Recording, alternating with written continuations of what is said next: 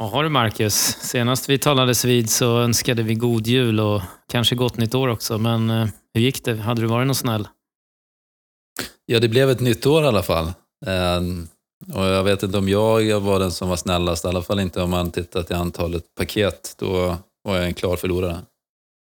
Du som, du som liksom har, du är föräldraledig så man kan ju gissa att du har småbarn då utan att avslöja för mycket. Men är det fortfarande sådär liksom att du går ut och köper tidningen och är borta eller hur, hur fungerar det? Ja, alltså jag kan ju inte delge alla detaljer kring det där i ett sånt där publikt forum. Det, det tillåts inte, så att det får vi ta mellan bara fyra ögon och fyra öron. Okay. Men du kan väl eh, du kan väl ge något tips bara vilken tidning du brukar köpa? ja, det får väl bli 24-7 eller Swedish Firefighter. Men ah, Nej, jag vet inte. Okej, okay, ja, ja, ja. Du, eh, vi ska, vi ska snacka lite, vi har ett speciellt tema idag, men, men eh, jag tittade lite på nyheterna här senaste veckan och det, det, tycks, ju, det tycks vara lite bekymmersamt med, med vatten runt om i Sverige. Ja, precis. Jag har noterat samma sak. Eh, Götaland, framförallt Ätran och Viskan och ja, man kan säga att det var lite High Chaparral i den regionen. Ja, ah, där fick du till det. ja, ja, man ska inte skratta åt eländet, men det är ju översvämmat på, på många platser. Och eh, inte bara i det området, utan jag tror att det är Uppland har väl haft lite också och även ännu längre norrut om jag inte missminner mig. Mm. Och det, det, det, ligger ju ett antal varningar framöver här också, så att vi, vi får väl se hur det utvecklar sig. Jag kommer ju ihåg 2018 där när vi hade den här oerhört torra sommaren. Den inleddes ju faktiskt med väldigt kraftig vårflod och, och, och översvämning. Mm. Man kan väl säga att obalans i, i vädersystemen är inte någonting som är positivt för vår verksamhet, utan då, då blir det jobb. Verkligen. Och sen, sen tror jag väl kanske att vårfloden är lite tidig om den kommer redan nu i början av januari, så att det får ju gärna vänta lite. Ja, om inte annat så får ju lo våren lov att komma tidigt då också, då, men eh, ja, det här är väl någonting annat. Jag har inte sett några tecken på våren, men ja, återstår att se. Men du, eh, det brukar vara jag som får, får komma med de här risen och du kör rosen när vi har avsnitten här. Så vi tänkte, eller vi tänkte, jag, jag har beslutat själv enhälligt att du ska få köra båda två nu då. Så att, eh, kan vi få ett okay. ris? Ja, men det ska du, det ska du kunna få. Eh, får se om du håller med mig om det här. Men eh, jag jag kan inte låta bli att notera att det läggs väldigt mycket tid runt om i Sverige på olika upphandlingar. Eh, det är inköp av diverse utrustning, brandbilar med mera. Ehm, som leder till att vi till viss del gör olika, vi har icke-kompatibla system. Vi lägger återigen liksom väldigt mycket tid på det här. Borde det inte gå att göra enklare? Borde det inte gå att, eh, jag vet inte, samordna det på något sätt? Vad tror du? Självklart kan man göra det. Det handlar bara om vilja och engagemang. Men, men jag håller med dig förstås. Tyvärr, jag skulle gärna vilja tycka emot, men, men det är ju så. Så här har det varit länge. Eh, det är enda i princip som man har gått ihop kring det är ju att upphandla basbilar, alltså brandbilar. Mm. Vänner, på, på något sätt kanske cirkeln är sluten när vi lämnade Räddningsverkets trygga hamn för, inte, snart 20 år sedan och började jobba mer e, enskilt så kanske vi kom lite väl långt ifrån varandra i vissa fall och behöver styra tillbaka det där. Så vi lägger mindre tid på det där, kanske får lite mer serverat av staten, vad vet jag, och kan nyttja vår tid och vår personal till lite andra saker som vi har på bordet. Just Så att du, du kanske inte är emot det kommunala självstyret utan det är lagstiftningen kring offentlig upphandling som du egentligen syftar på? Uh, ja, jag vet faktiskt inte riktigt vad jag syftar på här Johan, nu satte du dit mig. Men uh, nej, jag är inte emot det kommunala självstyret, det är jag inte. Men jag tycker att vi borde ha lite mer samordning på vissa fronter. Helt klart. Du, eh, det var lite ris. Kan vi ta något positivt också då? Någon ros? Ja men, ja, men jag vänder på det myntet då. Så, eh, jag pratade med eh, Göteborg idag och de har ju väldigt bra aktivitet i, i sitt Räddsam VG, alltså ett, eh, ja, samverkan inom räddningstjänsten i Västra Götalandregionen där man jobbar med eh, inspirationsdagar, man jobbar med kunskapsutbyte, man jobbar i olika arbetsgrupper just för att väva ihop det här, kanske motverka det som jag risade nyss. Så att jag tycker de gör ett kanonjobb där. Och nu finns det ju fler som gör sånt där runt om i landet, men idag så lyfter jag dem på, på rosen och säger bra jobbat eh, Rädslan Vega. Mycket bra. Det kan vara värt en applåd va? Absolut.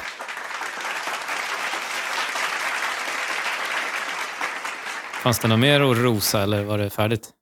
Ja, du vill ha mer? Ja, man kanske ska vara mer positiv än risande då. Men eh, jag kan väl passa på då att ge min egna organisation en ros, eh, Norrtälje kommun, Räddningstjänsten i Norrtälje, som nu under året inför en deltidsorganisation i Norrtälje stad. Alltså en, eh, en beredskapsstyrka kan man säga då, som ska öka vår förmåga i hela kommunen, men kanske då primärt i Norrtälje stad. Så det är kul att, vi, att det satsas och inte skärs ner. Så en av få platser i landet där faktiskt beredskapen ökar och vi kommer att nyanställa deltidsanställda brandmän. Fantastiskt. Ja, ja men det är jätteroligt och jag har ju försökt eh, leta fram exempel. För det är ju så när man ska göra någonting, då behöver man inte alltid uppfinna hjulet själv, utan då kan man ju lära av de som har gjort saker och ting innan. Men jag har inte hittat någon som har startat upp en ny deltidsorganisation i närtid. Så om det är någon lyssnare som vet eh, av någonting sådant så får ni gärna höra av er, så kan vi kanske lära. Um, så goda, goda tips tas emot på, på den fronten gladeligen. En liten kontaktannons där alltså. Så att, eh, kan ni hjälpa Marcus? Skicka ett meddelande till oss. du, jag har en annan grej här på ROS som jag får lägga till en sak. Det, det var ju Folk och Försvar nyligen i, i Sälen och då, då släppte ju regeringen via ministern för civilt försvar att vi ska utreda att återaktivera civilplikten. Mm. Och Det här är ju verkligen någonting som, som räddningstjänstbranschen har efterfrågat. Inte minst kopplat till, det kan ju vara översvämningar nu eller skogsbränder eller andra påfrestningar, höjdberedskap, där vi kan få fler händer och fötter så att säga. Ja, nej, men det är ju strålande. Jag gjorde ju civilplikt som flygplatsbrandman en gång i tiden och jag tror du var på Sandö, va? Jag var inte det? Nej, Skövde gjorde jag sista, sista kursen räddningsman och sanerare. Så att, nej, jag har bara positivt vad jag i alla fall minns från den tiden. Skönt att veta att du kan det där med sanering. Det känns tryggt. Um, och vad innebär det i praktiken om man pratar om uh, runt 2000 uh, individer som kan beröras av det här om jag inte minns fel? Första läget, kan det stämma? Ja, jag, jag vet faktiskt inte utan kanske är, är rimligare att vänta på vad MSB kommer fram till här, vilket behov som finns och vilken mm. typ av personal som man ska sätta i anspråk. Men det man har tittat på i, i förstudien, eller vad man nu ska, eh, hur man nu benämner det, om jag inte missminner mig, är att det är då de som har gått MSBs utbildningar eh, Eh, Tidigare? Se, ja, precis. Räddningsinsats och GRIB med mera då, som kan aktiveras och sen då framtida kullar som ett minimum. Mm. Men vi får väl se var det landar. Det är otroligt positivt. Bra, Ros. Mm. Mycket bra. Men du, eh, nu har vi snackat tillräckligt länge här. Kanske är dags ja. att gå in på dagens ämne. Vad säger du? Dagens ämne, det tycker jag absolut. Eh, vad är det för någonting då? Ja, vad, vi ska prata UAS. UAS. USA, USA, eller? Nej. Ja, nästan. Du, vi, eh, jag tycker vi, eh, vi tar vår intromusik och så, så kör vi. Ja, det måste vi göra. Nu kör vi. Varmt välkomna till RIB Podcast. En podd för räddningstjänst och av räddningstjänst. Med Marcus Wallén och Johan Szymanski. UAS, UAV, drönare. Kärt barn har många namn, Johan. Vadan detta? Vad är de här akronymerna, förkortningarna? Vad betyder det? Oj, nu sätter du mig på pottkanten där. Drönare vet jag i alla fall inte vad det betyder, men jag vet vad det är för någonting. Men jag tror att mm. UAS är väl själva Unmanned någonting Area System, medan ja. UAV är själva apparaten som flyger kanske. Vehicle. Nej, jag var en gissning. Ja, men jag tror att du får godkänt på det där. Vi får väl fråga. Vi har ju en, eh, mästare i ämnet på ingående, så vi sparar väl den och frågar honom mer eh, exakt. Då. Men som sagt, jag tror att du klarade det testet. Eh, vad, vad, ska vi med eh, flygande farkoster göra? Jag menar, vi släcker ju bränder och jobbar med, med händerna. Liksom, vad, vad ska vi med det till? Ja, det kan man ju faktiskt fråga sig. Jag vet att när, första gången jag kom i kontakt med, med, med drönare, vi säger det nu för det är enkelt, eh, men jag vet att mm. jag får smäll på fingrarna. Det var i samband med att söka efter skogsbränder. Vi, vi köpte in en och sen använde vi den till att eh, lokalisera platser där vi hade rökpelare i princip. Det var väl huvudområdet, i alla fall där och då. Mm. Ja, det var så vi började också. Sen har det där utvecklats. Eh, men man kan väl säga då att det Innan de här små eh, obemannade farkosterna fanns så var det ju helikopter som gällde om man ville få någon sorts överblick. Eh, och då oftast eh, polisen som bistod, eh, är väl min uppfattning i alla fall. Har det, vad är dina erfarenheter? Ja, polisen eller, eller också fick man helt enkelt ta in någon privat aktör och då kostade det ju pengar. Så att min, min, min bild av det är i alla fall att vi inte använde helikopter i onödan om man säger. Mm. Ja, verkligen. Så det är ju påverkat oss ganska mycket ur det perspektivet och sen har ju den här förmågan utvecklats och utvecklas. är ju knappt man, eller jag hänger inte med, men det är ju knappt som räddningstjänsten hänger med med tanke på både hur smidiga de blir att använda, det är värmekameror, det är, de kan lyfta grejer, släppa grejer, mm. ja, säkert mer. Um, det görs ju också mycket tester. Jag vet att man um, gjorde tester ute i Norrtälje för fyra, fyra år sedan och flög ut hjärtstartare och det har man ju tagit vidare nu och jobbar med. Jag tror det faktiskt mm. ligger skarpt i, är inte det Göteborg eller? Har du koll? Ja, jag vet inte, men jag vet att, man, att det finns på ett antal platser där man kan flyga ut eh, hjärtstartare mm. och det är ju fantastiskt förstås. Man testar nu också att nyttja samma princip, då, att automatiskt flyga ut till eh, bränder för att få en första bild uppifrån då, innan våra räddningsstyrkor kommer till platsen. Och det är ju också otroligt spännande och givande, inte minst för oss i ledningscentralen. Mm. Ja, det känns som att möjligheterna är nog i princip obegränsade. Det gäller bara att vi har förmåga att tänka utanför boxen lite. Ja, men exakt. Och hänger med vad gäller eh, regler och lagstiftning också. Så att, eh, jag vet inte, Johan, ska vi försöka ta in någon eh, expert på det här redan nu, eller ska vi, vad tror du? Ja, men det tycker jag absolut. Ja. Har du någon på tråden? Ja, men jag tror att vi, vi har en här som vi skulle kunna ta in. Eh, jag, eh, jag bjuder in honom. Jag öppnar dörren här. Härligt. Sådär. Välkommen Micke. Kom in och sätt dig. Ja, men tack. Vad, vad fint ni har det. Fantastiskt. Du, vill du ha en kopp kaffe? Eh, gärna. Utan mjölk. Utan mjölk, ja men det ska vi ordna. Eh, under tiden så, så tänker jag så här att du får presentera dig själv. Du har ju en oerhört spännande titel för att jobba inom svensk kommunal räddningstjänst. Flygsystemansvarig står det på din eh, lapp här. Berätta, vad, vad, vad betyder det här och hur hamnade du här? Vad, ja, exakt. Vad, vad betyder det här? Nej, men hur jag hamnade här. Eh, egentligen så, så var det väl så. jag Har jobbat som brandman då i i flera år, i, både i Dalarna, i, i Norrland och i, i Dala Mitt tidigare och kom till Stockholm. Eh, och vart förvånad över att vi inte hade den här resursen eh, själva inom förbundet när vi var så stora. Och skickade in ett förslag på det. Och det var väl inte så intressant till en början, eh, det här förslaget. Men eh, vår nuvarande förbundsdirektör, han, han plockade upp det där efter några år och han såg potentialen i det och det var väl där någonstans resan startade. Härligt. Här kommer kaffet. Uh, när, var det, när var det här då? I, i, hur många år tillbaka är det här? Uh, tror förslaget skickades in 2016 och det togs mm. upp igen i slutet av 17, början av 18 någon gång. Just det. Så det har varit eh, i drift då ett par år kan man säga, tre, fyra år? Då. Eh, det har varit i drift i tre år ungefär. Vi, vi höll på mycket med tillstånd i början eh, och jag tror vi innehade tillstånden i nästan ett år innan vi ens lyfte första gången för vi ville ha organisationen på plats också hyfsat. Men, Mm. men om vi börjar i andra änden här då. För, för det första så kanske vi inte presenterade dig vid namn här. Du heter Mikael Aspelin och är lite av en, en, en kändis tror jag inom drönarbranschen, eller vad vi nu ska kalla det. Vi återkommer till den, till den frågan. Men, men du lämnade, om jag förstått det rätt, brandmannayrket, tillfälligt åtminstone, och blev flygsystemansvarig. Men, men berätta, jag, både jag och Marcus, vi, vi hade ju drönare på befälsbilarna där ute och det var ju bara att flyga. Ja, det, var ju, det fanns ju inga regler vad vi kände till utan det var ju bara upp med den där och sen göra det man skulle. Men, men vad, vad hände?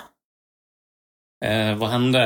Eh, när, när det här ble, väl blev ett projekt så då det vart ganska naturligt att ta kontakt med polisen då, här, i- här i Stockholm. Och liksom, de låg ungefär i samma fas som oss då med just UAV-drönare. Och eh, det, det, vi insåg ganska snabbt att för att få det här långsiktigt och för att få det här hållbart så, så behöver vi nog undvika haverier i luftrummet. Och göra allt by the book. Det var också ett av kraven från, från förbundsdirektören, att vi måste göra det här by the book. Och eh, vi insåg ju ganska snabbt att regelverken var komplicerade på den här tiden. Eh, det krävdes att man skulle bygga flygoperativa manualer och de skulle se ut på ett visst vis. Men, men vi har fått otroligt mycket hjälp av polisen i det här som har bemannat flyg sedan tidigare. Då. Så att eh, på den resan var det väl lite grann att det var komplicerat i början och det, det, egentligen så var det inte bara att slänga upp de här i, i luften. Jag gillar ju det här i stort om man tittar på att ja, men, utvecklingen tar oss framåt. Eh, vi måste våga flytta gränserna och testa saker. Och sen när vi inser att det här är ju någonting som vi vill använda och som funkar, ja, då backar vi hem och sen så ser vi till att vi får med oss övriga och gör det på rätt sätt eh, och, landar i liksom by the book som du säger. Så att, eh, det är väl ett eh, skolboksexempel tycker jag på där vi har gjort saker och ting i min värld på, ett rätt, på rätt sätt. Men nu, eh, ja, vi, vi pratade lite om det här nu innan du kom in om eh, UAV och, och UAS och det finns ju en, säkert fler benämningar. Jag och Johan är inte så haj på det där, men skulle du kunna sammanfatta det lite snyggt? Eh, absolut. Eh, var, vardagliga talet, då säger vi oftast drönare. Eh, det finns, finns liksom inget rätt eller fel egentligen, men, men för oss har det en, en viss betydelse. Eh, i, från början kom UAV och US från Försvarsmakten och där är ju drönare ett hot. Eh, kan vara antagonistiska hot och liknande, men så är det inte riktigt för oss. Utan om vi är på en skadeplats och vi hör benämningen drönare, då är det ett hot mot luftrummet.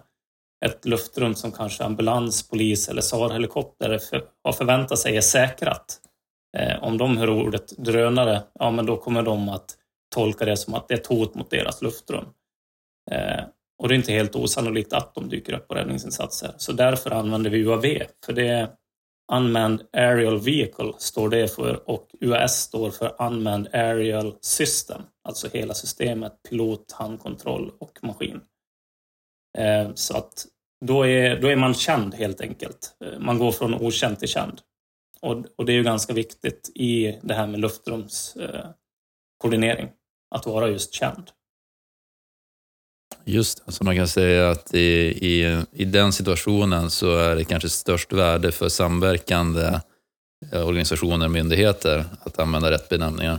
Ja, men definitivt. Och, och dyker upp en okänd drönare i luftrummet, till exempel, eh, som inte involverade insatsen från kanske media eller från någon civil, då, då blir det också ett hot eh, mot luftrummet. Och då säger vi till våra piloter att då får ni gå ner och landa tills, eh, tills det här hotet i luftrummet är borta, just för att helikoptrarna ska känna sig säkra.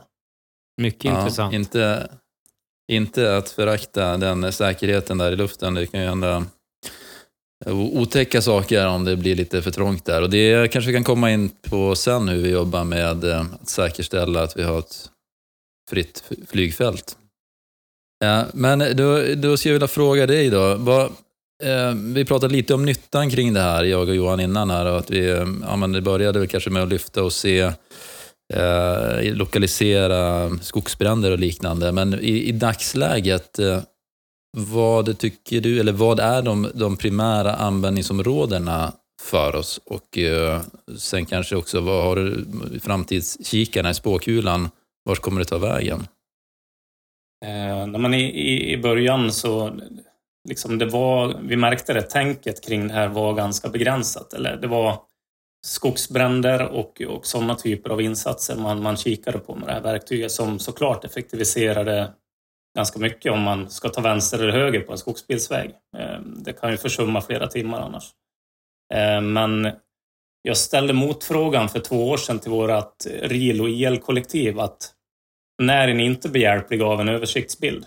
Ehm, och det vart ganska tyst ganska länge och till sist kom svaret att ja, men i, i tunnelbanan kom det någon som sa. Då. Och, eh, dagen efter var jag nere och flög i tunnelbanan. Så att, nej men det, vad ska man säga? Jag, jag har sett nyttan på, på de flesta av insatserna. Alla kategorier av larm vi har egentligen har vi sett nyttan. Eh, det som våra, de som håller på att analysera rapporterna säger generellt om, om resursen, det är att Ehm, det får våra befäl att bli tryggare i sina beslut.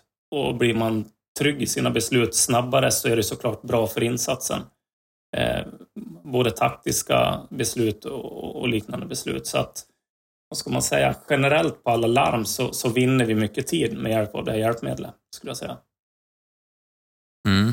Du är inne på någonting där som jag tycker är väldigt intressant. Ehm, man skulle nästan kunna eh, dela upp det i direkt eh, syfte och ett indirekt syfte. Alltså där det direkta syftet är att lokalisera den här personen eller lokalisera den här branden. Och det indirekta syftet är skapa en helhetsbild för eh, insatsledningen där vi, där vi därigenom kanske blir klokare eller tryggare som du säger. Men det är inget specifikt vi letar efter utan det är Johan, köper du det resonemanget, du som är ute? Ja, men eh, det gör jag absolut. Och, och jag tror också att vi, eh, vi som befäl behöver hjälp att, att eh, liksom tänka utanför boxen. Att en pilot ibland kommer fram och så säger den, ska vi inte flyga här? Jag kan kolla det här och det här. Och så, då tänker man bara, ja, men solklart, självklart. Lyft och så får vi se vad vi får ut av det. Och, och jag vet inte, Micke, du har säkert jättemånga goda exempel på när, när den här resursen, alltså UAV eller UAS har gjort skillnad. Och jag vet att jag hade en, en ganska omfattande insats förra helgen där, där vi nyttjade den här på ett, på ett nytt sätt. Den blev en egen sektor till och med och vi, vi kunde indirekt livrädda människor tack vare att vi hade eh, den här som hanterade en annan del av insatsen. Så det, jag tror att här gäller det verkligen att, att se möjligheterna. Absolut. Eh, sen så, så, den insatsen du var med om, eh, den här branden du pratar om, eh, en sån insats, det, det, är ju inte bara tur att, att det blir som det blir heller, utan dels så, du som räddningsledare, du är ju väldigt tydlig och du har använt resursen mycket. Eh, vilket gör att den ligger lite högre i din verktygslåda kanske än, än vad den gör på, hos andra.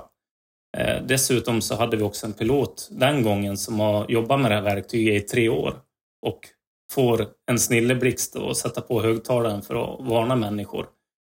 Så att det här är oftast inte något man kommer på i stunden. Det här är ingen kultur som sitter i ryggmärgen hos oss än. Eh, utan vi behöver hålla på med det här. Vi måste dela erfarenheter och vi, vi måste våga ge resursen en, en riktig chans, skulle jag säga. För att, bli, för att det ska bli bra. Det, det, det krävs... Det, det, är många faktorer som gör att det blir en lyckad insats. Mm. Ja, verkligen. För den oinvigda här Johan, är det, kan du delge mer kring vad ni gjorde ja, men, där? Utan att...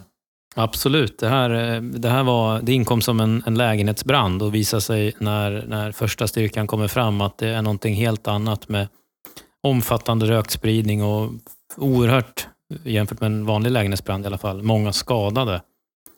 Och eh, ja, det pågår livräddande insatser och, och, vi behöver komma in på innergården för att se dels hur rökspridningen är dit och sen har vi också många 112-samtal om människor som behöver hjälp där på balkongerna. Och, och det, det, är svårt att komma in på innergården. Den är låst och, och våra styrkor behövs för att genomföra livräddande rökdykning.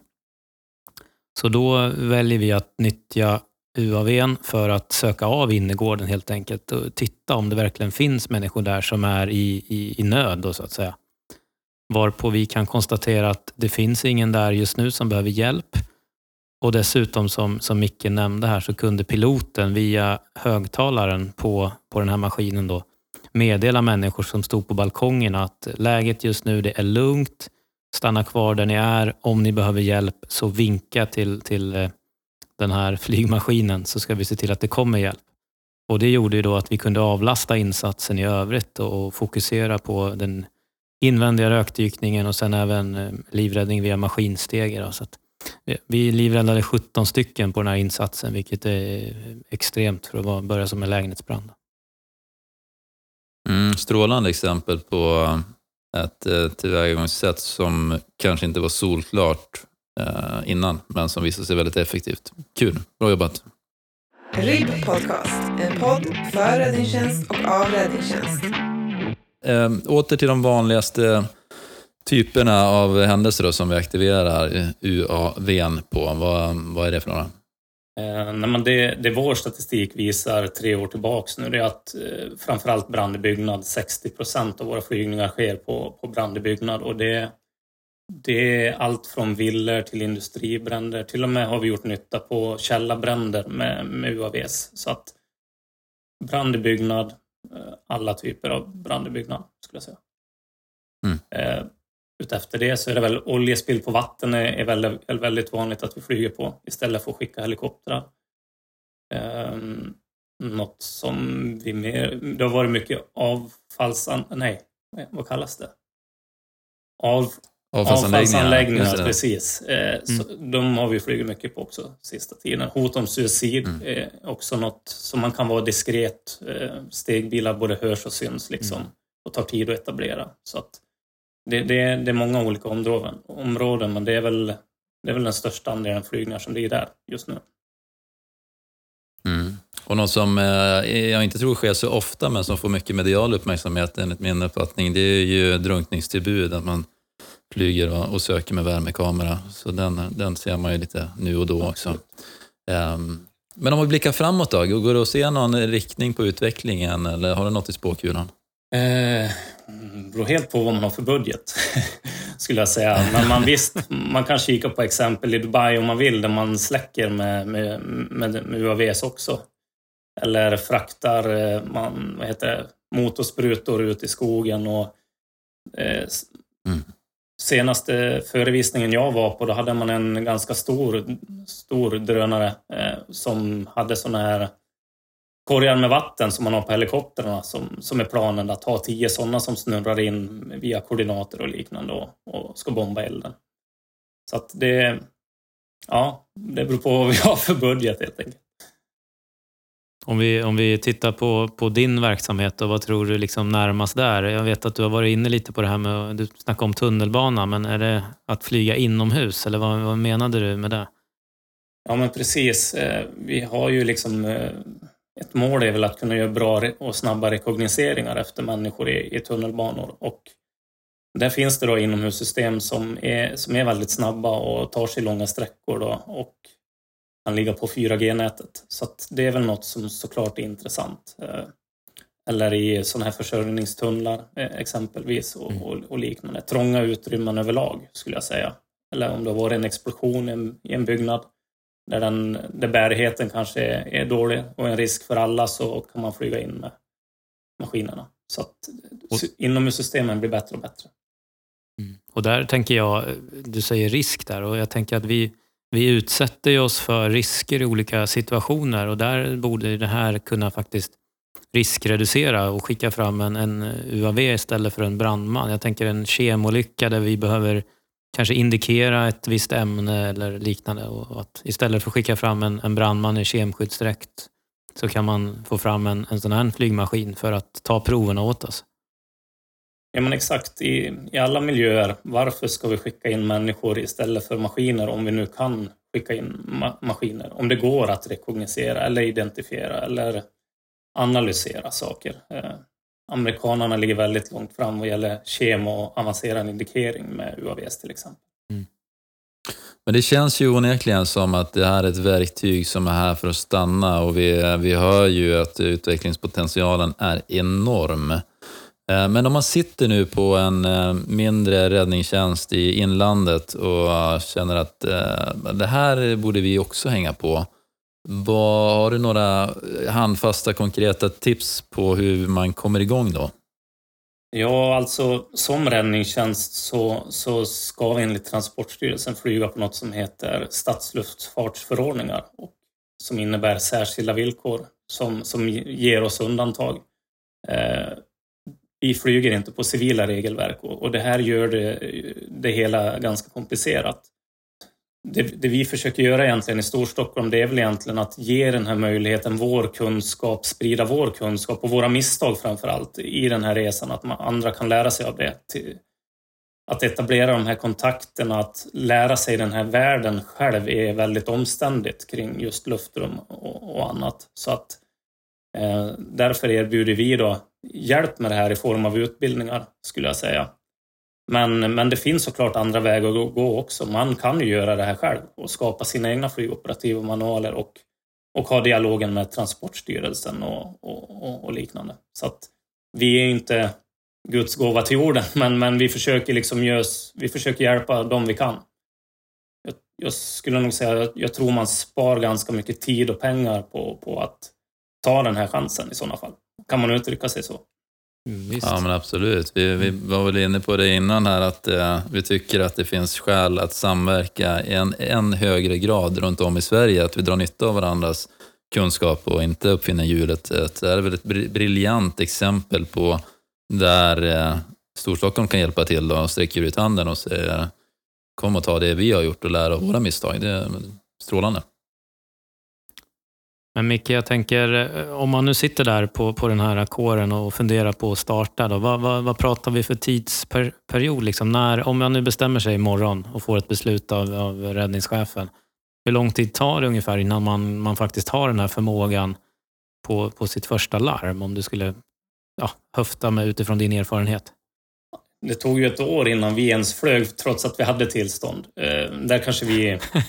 men, men riktigt så illa är det inte idag. Vi vet ju bättre. Eh, så, så, är det ju. Och eh, det, det, det som har varit den största utmaningen skulle jag säga, det är egentligen att, att, att lära sig ha respekt för luftrum. Det var egentligen den andra saken vi gjorde efter vi kontaktade polisen. Det var att vi gick en en utbildning som heter Crew Resource Management som, som besättningar i flygvärlden, alla de går den utbildningen.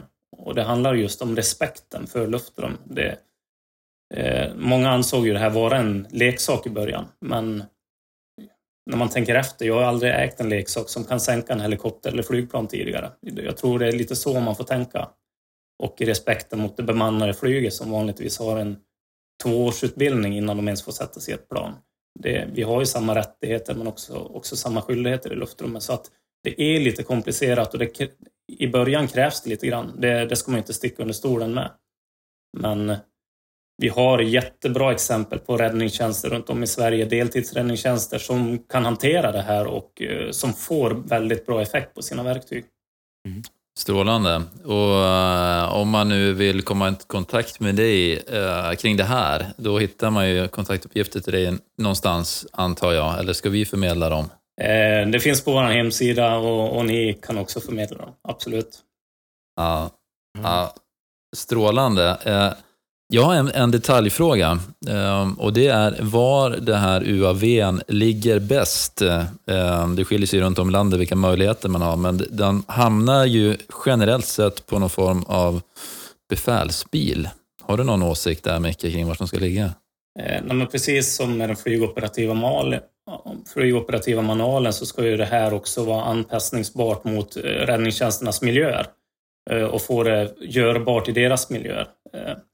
Vi i mm. Storstockholm, vi skulle aldrig kunna lägga det på, på höger fram i en basbil på, på en styrkeledare till exempel. Vår sambandsplan är för omfattande, ett initialt läge, eh, skulle jag vilja hävda. Eh, det, det, finns för och nackdelar med olika placeringar. Jag vet att vissa väljer att lägga det på stationer eh, och, och, där man får bra effekt. Dock så är det så att i sitt primärområde så utför man ju oftast invändig eller utvändig livräddning och då finns inte händer över till att styra den här saken. Helt enkelt. En del deltidsräddningstjänster lägger det på FIP-bilar.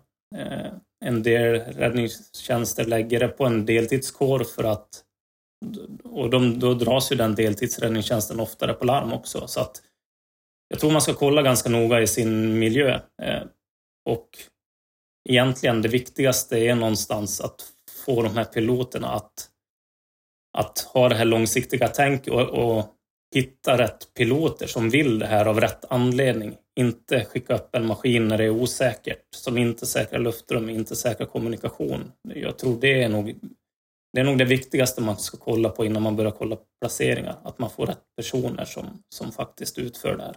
För vi, vi flög ju i början och jagade en 24-7-funktion. Eh, vilket innebar att vi rekryterade piloter som nödvändigtvis kanske inte var lämpliga som piloter. Och vi fick heller ingen effekt på verktyget då, för man var inte intresserad av att skriva rapporter eller man var inte intresserad. Man var bara intresserad av allt det här roliga, att flyga. Ja, eh, en reflektion bara. Eh, du sa tidigare det här med luftrumsseparering och säkerhet, men det är lite svårt att förstå för mig att den här lilla saken kan, kan göra att en helikopter eller ett flygplan havererar. Liksom. Vad är det som händer? Varför är den så farlig?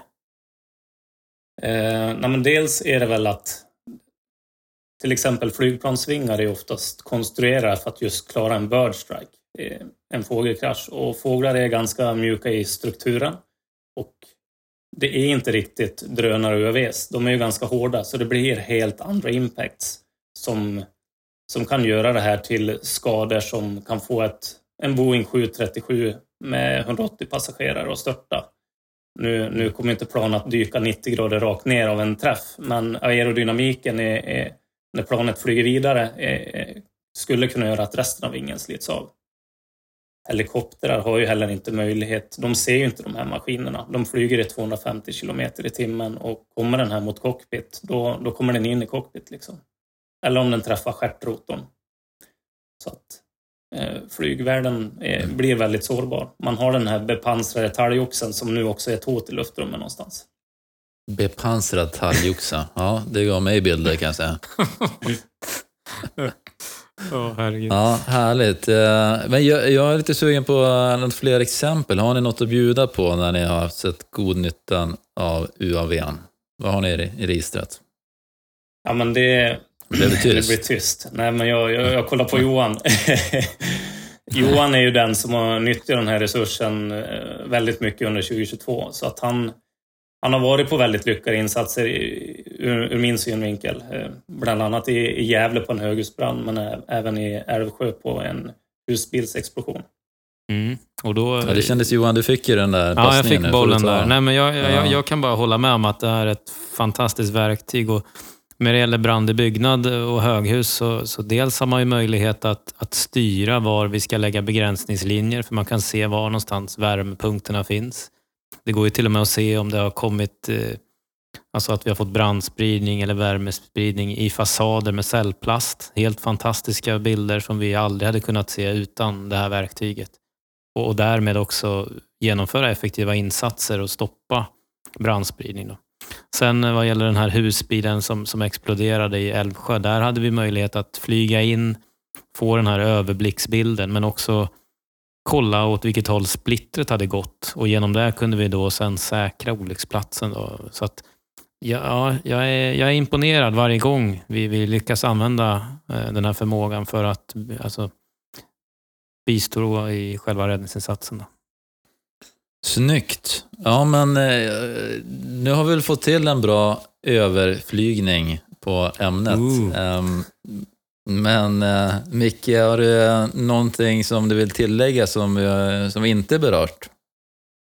Um, nej, e egentligen inte, utan uh, ge resursen en ärlig chans. Det, det vi har sett i vår statistik det är att piloter i all ära, eh, det är ju tillgång till resursen. Men eh, det behövs ju också räddningsledare som till exempel Johan som också har placerat det här verktyget lite högre upp i verktygslådan eh, så att den verkligen används. Alltså sprida kunskap till de som vi har resursen för.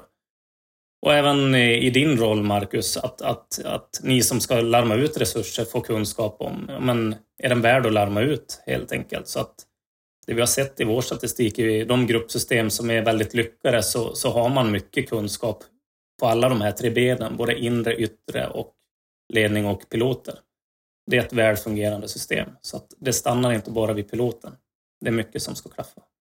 Snyggt. Ja, men det var ett bra avslutande ord. Eh, Om inte du har någon ytterligare fråga, Johan? Nej, jag tyckte att det var väldigt bra att vi kan, eh, jag vet inte hur man säger på flygspråk, men vi går in för landning kanske. Perfekt.